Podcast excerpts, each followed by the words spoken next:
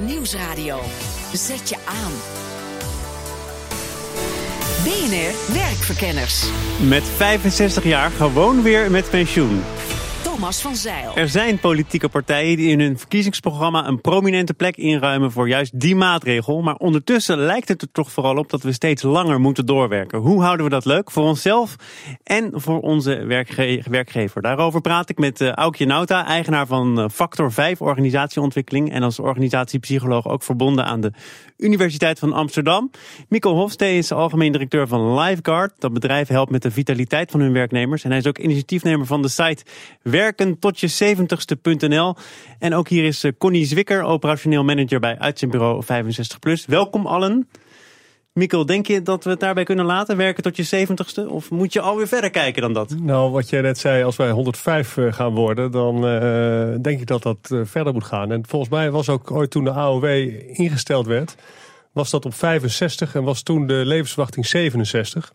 Oh, en, twee jaar uh, genieten nog. Twee jaar genieten. En ja, dat is toen onder politieke druk is dat niet meegegroeid. Maar dat was ooit wel de intentie. Aukje, ben jij tevreden als je tot je 70ste mag doorwerken of moet doorwerken?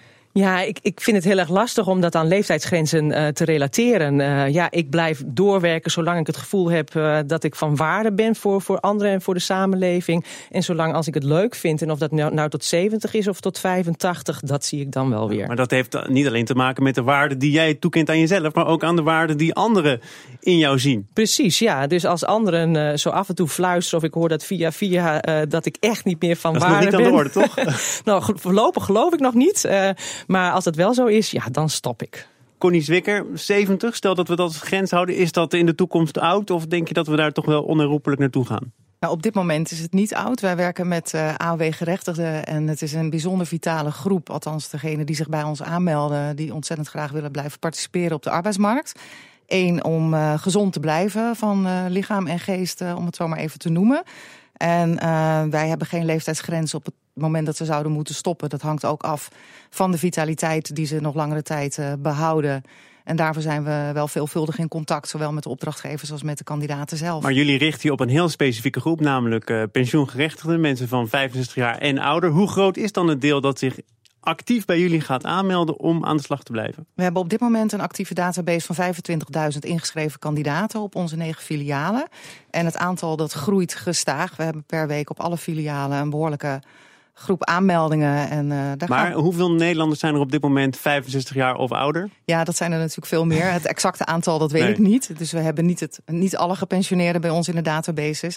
En het zijn ook de mensen eh, die vitaal zijn, die nog uh, door willen werken. En we zien niet iedereen. Als je kijkt naar uh, wat ik net zei en wat alweer herhaald is, namelijk dat we toegaan naar mensen die 105 worden of nog ouder. Uh, Aukje, een blik in de toekomst. Wat betekent dat inderdaad voor die pensioenleeftijd? Ja, ik weet niet of jullie gisteravond toevallig ook zomergasten hebben gezien met Andrea Meijer. Uh, die eigenlijk veroudering ook beschouwt als een ziekte, hè, als, een, als een veroorzaker van alle, allerlei ziekten. Nou, als we dat proces weten te stoppen, dan ziet zij geen reden dat we allemaal 130 worden. En zij had zelfs iemand in de uitzending die zei van waarom zouden we niet met z'n allen duizend kunnen worden? Maar dat is een kwestie van even dat proces stoppen. Dat is nogal wat, hè? Dat, Veroudering dat, stoppen. Ja, dat, dat is nogal wat. Uh, maar uh, ja, het feit dat we daarover nadenken... betekent het dat er, dat, er voor, uh, dat er wel ook oplossingen komen. En er zijn nu al oplossingen in die zin van dat we steeds beter realiseren... dat het belangrijk is om actief te, te blijven. Niet alleen met je hersenen, maar ook met je, met je lichaam. En naarmate we die adviezen beter volgen... lukt het ook ons om langer gezond te blijven. En dan willen we ook actief zijn, omdat we weten... dat je daar gelukkiger van blijft. Hoe komt het dan toch dat niemand het leuk vindt om hier, uh, nou wij wel dan toevallig, maar het leuk vindt om hierover te praten of over na te denken dat het zo'n moeilijk thema blijft, Nico of ja. Aukje? Oké, okay, nou ik denk dat je, het, uh, dat je het ook lastig positioneert. Omdat je, dat je zegt we moeten langer doorwerken. Maar ik heb net uh, op een site van Linda Gretten gelezen. Hè, die heeft een boek geschreven over 100 jaar leven. En zij vroeg aan mensen van stel dat je extra jaren krijgt, vind je dat dan leuk of niet leuk? En dan zegt 66% fantastisch, want dan kan ik toch allemaal hele leuke dingen doen met mijn leven. Met de kleinkinderen. Of met hun leven. Of op de werkvloer. Ja, nou ja, beide. Hè? In, in, in, in je carrière, in hoe je van betekenis kunt zijn. Dus we moeten ook breder kijken dan alleen maar betaald werk. Het gaat ook over onbetaald werk, over mantelzorg, over vrijwilligerswerk. En zolang je dus actief blijft bijdragen aan de samenleving, dan blijf je ook gezonder en gelukkiger. Mikkel Hofstee, is het een kwestie van positionering? Ja, ik, ik, uh, nog één nuance die ik wel wil maken. Als we allemaal 130 of 150 worden. Wat je nu ook ziet, het zijn wel, het is wel een enorme tweedeling. Dus uh, hoog en laag opgeleide. En, en het is ook zo dat wij wel meer jaren in slechte gezondheid doorbrengen. En, uh, en nu nog? Of als we zo meteen 130 worden? Nou, je? als we 130 worden, zullen, zullen dat nog meer jaren worden. Maar nu ook al. Dus wij houden eigenlijk mensen ook steeds langer in leven. En uh, eigenlijk is het het punt van wanneer ga je medisch consumeren. En er zijn natuurlijk een aantal beroepen te bedenken die uh, misschien wel zwaar zijn. En waar het extra belangrijk is om, om vitaal te blijven. Op dit moment is het voor bijvoorbeeld de PVV en 50PLUS, twee partijen die hun programma hebben gepresenteerd, nog wel makkelijk scoren met deze maatregel. Uh, 65 terug naar 65. Blijft dat ook makkelijk scoren, denk je, Connie? Nee, dat denk ik niet. Uh, het is nu al een uh, ja, goed gegeven dat mensen langer door mogen werken. Uh, los mogen van het, doorwerken. Los van het moeten. Ik denk dat het heel goed is om te zeggen dat, het, dat de propositionering anders zou moeten. dat, het, dat werken ook gewoon leuk is. En ik sluit me aan bij Mikkel als je naar bepaalde groepen kijkt waar het heel zwaar voor is. Dus mensen met nachtdiensten, zoals je net al aangaf. Um, wij merken bij ons in de organisatie dat de mensen heel veel baat hebben bij het blijven doorwerken. Omdat het, uh, ik heb het al eerder aangegeven, ze vitaal houdt. En hoe dat... breng jij die, ik snap hun eigen belang, hoe breng jij uh, de kandidaten die jullie begeleiden aan de man of aan de werkgever? Dat is niet zo moeilijk. Ze oh. hebben een or enorme organisatiesensitiviteit. Uh, zijn uh, heel snel uh, inzetbaar, omdat ze een enorme hoeveelheid ervaring meenemen. Daardoor kunnen ze zeg maar na een half uurtje uitleggen door. En als we kijken naar de functies die wij invullen, dan zit het heel veel in het facilitaire en in de ondersteuning, chauffeurs. En uh, hogere opgeleiden hebben we een payrollgroep voor. Dus die mensen zijn al bekend bij hun eigen en organisatie. En de nadelen heb je verpakt in kleine lettertjes? Of zijn die er überhaupt niet? Nee, er zijn, nou, nee, nee, er zijn geen nadelen. Deze doelgroep is nagenoeg niet ziek. Uh, dat is wel een beeldvorming die er is. Uh, wij krijgen nauwelijks ziekmeldingen van al onze werkende kandidaten. Het is wel zo als ze op hogere leeftijd komen, als ze nog werkzaam zijn, dat als ze ziek worden, dat het wat ernstiger is. Ja. Maar zo'n griepje, dat kennen ze niet. Ja, maar ik denk, ja, want ik denk ook dat dat komt dat zij nu steeds meer op hun eigen voorwaarden kunnen werken. He, zij kiezen er zelf voor om één dag of twee dagen of drie dagen in de week te werken. En wat illustreert heel erg dat het voor mensen heel erg belangrijk is om werk te doen wat bij hun past, past. en wat ze leuk vinden en wat ze zelf tot op zekere hoogte kunnen invullen. En als ik jou, Mikkel, dan hoor praten over, ja, er zijn nou één keer beroepen waarin het echt heel moeilijk doorwerken is, dan vind ik dat we met z'n allen moeten nadenken hoe richten we het werk zo in dat het aangepast is aan de behoeften van mensen in plaats van dat mensen zich altijd maar aan moeten passen aan het werk. Ik denk ook dat het uh, veel meer zou moeten gebeuren dat uh, organisaties, bedrijven zich beter moeten bezig moeten houden met duurzame inzetbaarheid. Waarin je de employability van de medewerkers veel meer benut dan uh, maar doorgaan in de vaste functie die je altijd hebt gehad en maar standaard door moet doen ja, tot maar, je gepensioneerde leeftijd. Mikkel, als mensen bij jou en jouw bedrijf uitkomen, dan zijn die werkgevers daar dus kennelijk al mee bezig.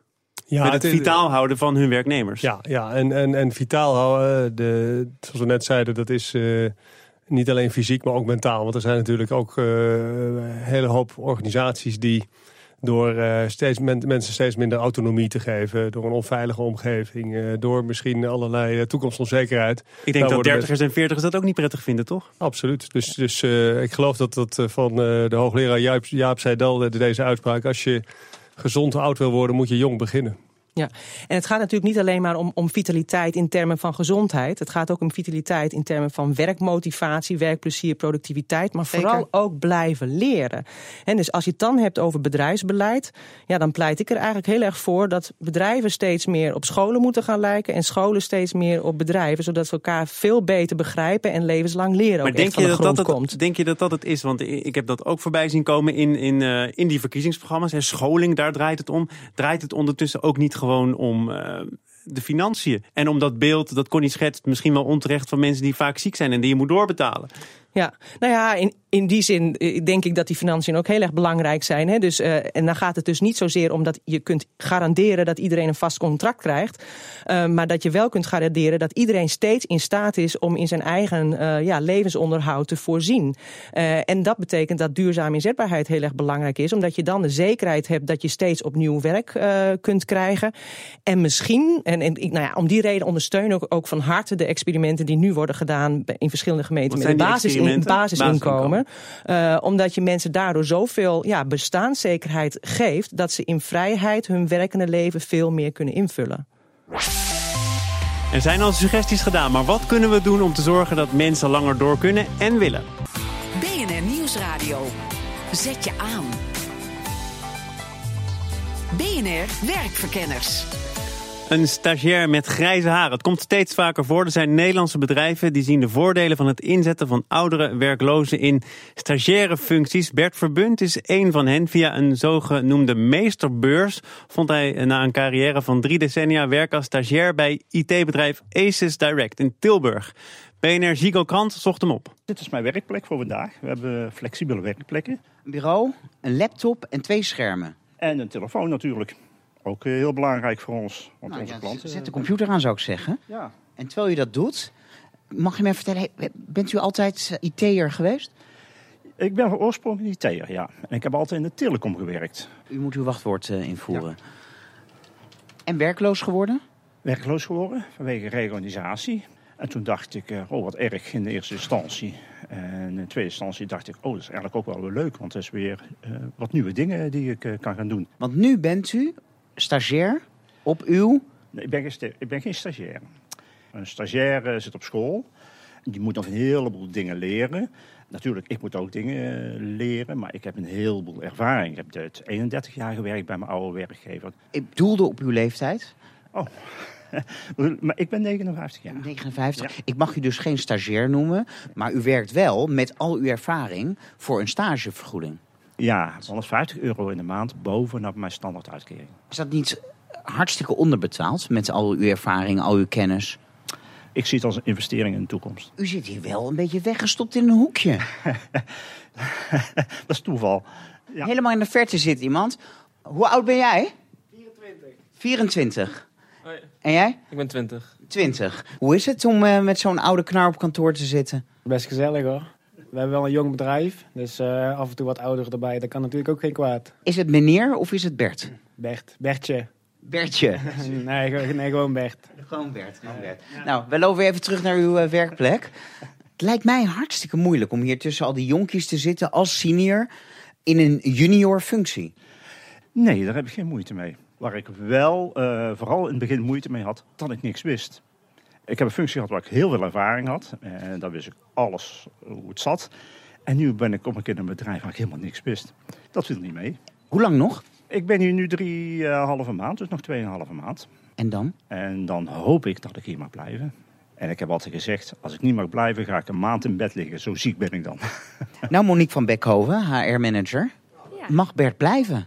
We gaan er wel vanuit dat hij eh, natuurlijk kan blijven. Want eh, ja, wij creëren een meesterbeurs natuurlijk niet voor niets. Hè, we begeleiden Bert goed. En eh, ja, het doel is uiteindelijk wel dat hij, dat hij bij ons blijft. Ja. Mag ik vragen hoe oud u bent? 30. Dan zou u de dochter kunnen zijn van meneer Verbund. Want Ja. die is 29 jaar ouder. Ja. Ik kan me voorstellen dat het ook wel uitdagingen met zich meebrengt. Ja, het is zeker niet eh, alleen maar 100% eh, positief. Dat zou niet realistisch zijn, denk ik.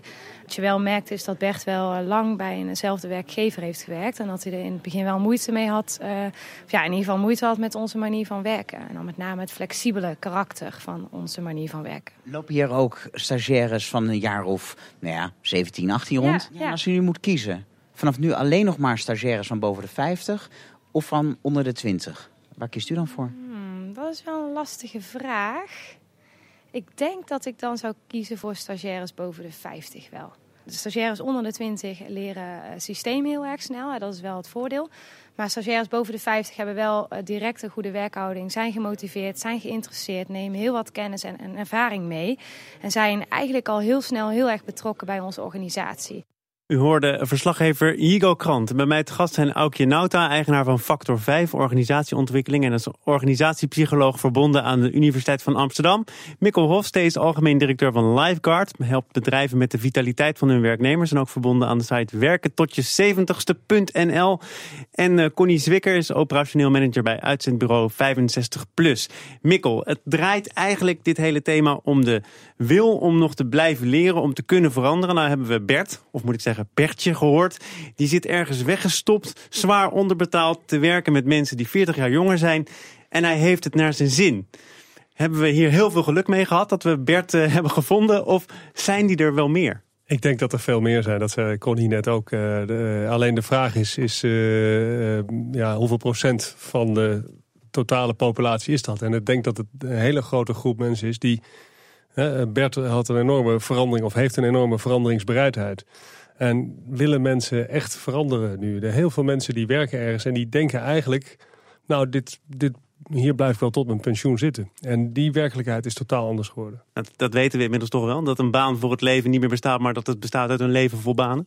Ja, of heb ik dat te vaak gehoord in dit programma? Ja, waarschijnlijk in dit. Nee, maar er zijn natuurlijk heel veel mensen. Uh, kijk, mensen die in een gemeente of in een ministerie of uh, vroeger bij de grote conglomeraten werkten. Die werkten daar 15, 20, 30 jaar. En uh, ja, je, je zus jezelf ook wel een beetje in slaap. Hè? Dus dat is ook wel automatisch wat er gebeurt. Je denkt er niet aan van wat zou er toch gebeuren als ik deze baan kwijtraak. Connie, onderaan de streep kwam net eh, de balans in het voordeel uit van die 50-plus stagiair. Maar eh, er was toch ook vrij veel aandacht voor het feit dat Bert wel heel erg moest wennen aan de systemen, aan de flexibiliteit van de organisatie. Hij had te lang op dezelfde plek gezeten. Jij zei net, het voordeel is juist dat die mensen binnen een half uur aan de slag kunnen. Ja, dat hangt natuurlijk af van de functies uh, waar deze mensen voor ingezet worden. De ICT is niet de branche waar wij onze 65 pluskandidaten plaatsen. Dat is meer vanwege inderdaad gebrek eh, aan uh, kennis en het bijhouden daarvan. Um, wat ik aan wilde geven is dat ze zoveel kennis en ervaring meebrengen... dat ze heel makkelijk kunnen schakelen. Wat opvalt is dat ze vooral iets anders gaan doen dan hun arbeidszame leven. Uh, zeg dat ze 40 jaar bij één werkgever hebben gewerkt of korter. Maar goed, daar kunnen we getallen aan verbinden. Maar over het algemeen gaan ze na een pensioengerechte leeftijd iets anders doen. En daarin zijn ze heel snel inzetbaar. Aukje, misschien een moeilijke vraag hoor, maar waar ligt de intellectuele piek van mensen? dat is natuurlijk, ja, dat kan je natuurlijk niet, niet makkelijk zeggen. Ik weet wel, uh, ik kan me ooit een, een uitzending, een televisieuitzending met een interview met uh, Robert Dijkgraaf uh, herinneren. Dat die heeft zei, een voortdurende intellectuele piek? Nee, die zei dat hij piekte op zijn zestiende eigenlijk. omdat oh. hij toen de meest creatieve natuurkundige ideeën had. Hè. Dus voor beta-wetenschappen heb je een plastisch brein nodig. En ja, dat neemt die, die, die flexibele skills, die nemen al heel snel af. Terwijl voor anderen heb je juist een heel groot netwerk uh, nodig. En ja, dat bouw je eigenlijk met het leven alleen maar op. Maar ik wou toch ook nog iets eventjes reflecteren op, op, op de, die reportage van zo, zo net. Want ik ben een beetje geschokt door de stereotypen die dan door de lucht vliegen. Hè? Alsof ja, jongeren die kunnen zo goed met IT en, en ouderen die zijn zo loyaal. Ik zou zo graag willen dat we afleren om naar leeftijd te kijken. En gewoon te kijken naar een mens van vlees en bloed. Die wat kan, die wat wil. En dat is voor iedereen wat anders. En daarover het echte gesprek aangaan. En dan iemand inzetten op zijn talenten. Dat is waar het om gaat. Oké, hoe komt het dat dat kennelijk nog niet voldoende gebeurt?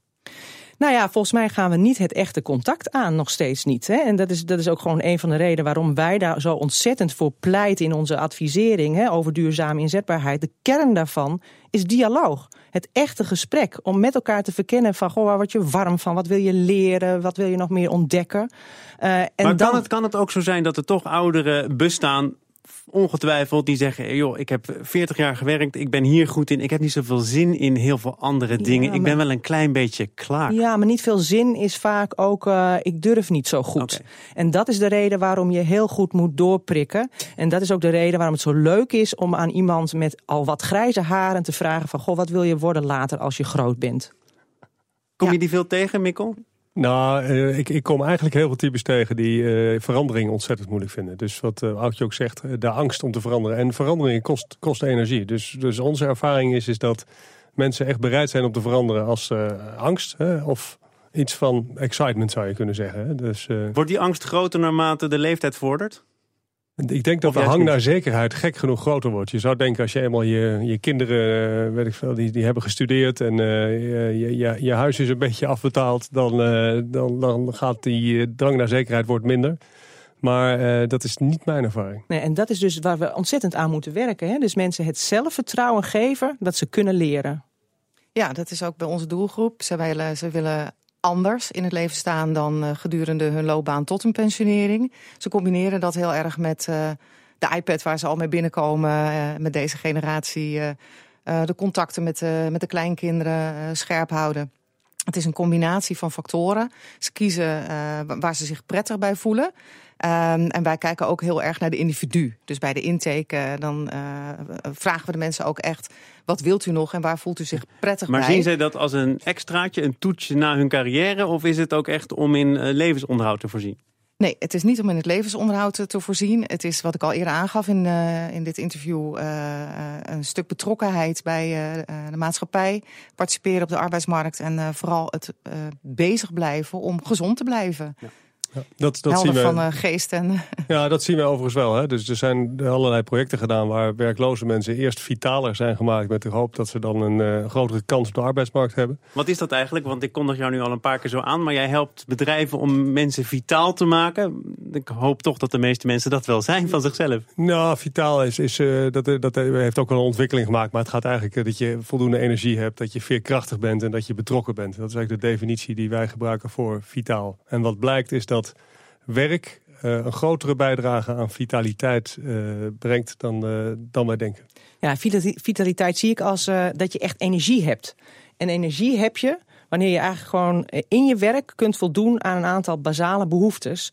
Namelijk de behoefte om in vrijheid dingen te ontwikkelen, hè, gewoon autonomie. De behoefte aan competentie, hè, dat je je competent voelt. En de behoefte aan verbinding met andere mensen. En als we ons dat realiseren, dan betekent dat ook dat er een enorme opgave is voor werkgevers. om het werk zodanig vorm te geven dat mensen hun basisbehoeften kunnen vervullen. Maar het gaat duidelijk over de soft skills. Voel je veilig, voel de vrijheid om je te kunnen ontwikkelen. Ik, ik heb nogmaals die verkiezingsprogramma's gelezen. Dat van de PVV had ik vrij snel eh, uit. Dat was één pagina. Maar D66 zegt bijvoorbeeld... Uh, we moeten mensen niet meer betalen naar leeftijd, naar ervaring... maar naar prestatie. Daar zit het hem dus niet in. Dat komt omdat uh, heel veel politieke partijen ook louter economisch kijken. Nou heeft Jesse Klaver wel eens zijn, zijn gestreden tegen het economisme. Maar als we eigenlijk gewoon meer psychologisch zouden gaan kijken naar wat mensen echt motiveert. Misschien dat er dan ietsje meer wijsheid in de politieke programma's komt. Ja, dus die, die IQ die wordt toch minder belangrijk. Hè? Er zat heel veel wijsheid in dit programma. We zijn aan het einde gekomen van deze aflevering. Aukje Nauta, dank voor je komst. Eigenaar van Factor 5 Organisatieontwikkeling. En ook organisatiepsycholoog verbonden aan de UvA. Mikkel Hofstee was er ook algemeen directeur van Lifeguard. En Connie Zwikker, operationeel manager bij uitzendbureau 65 Plus. Dit was de voorlopig laatste uitzending van Werkverkenners. Ik ga niet een heel lijstje mensen bedanken, maar wel Jico Krant, die elke week te horen was. En uiteraard ook de vaste redacteur van dit programma, Laura Walburg. Deze uitzending is terug te luisteren via de site bnr.nl slash werkverkenners. Volgende week dan wordt er natuurlijk wel hele mooie radio gemaakt. Nieuw programma van Mark Beekhuis, De Nieuwe Wereld. Ik dank u voor het luisteren en werkzaam.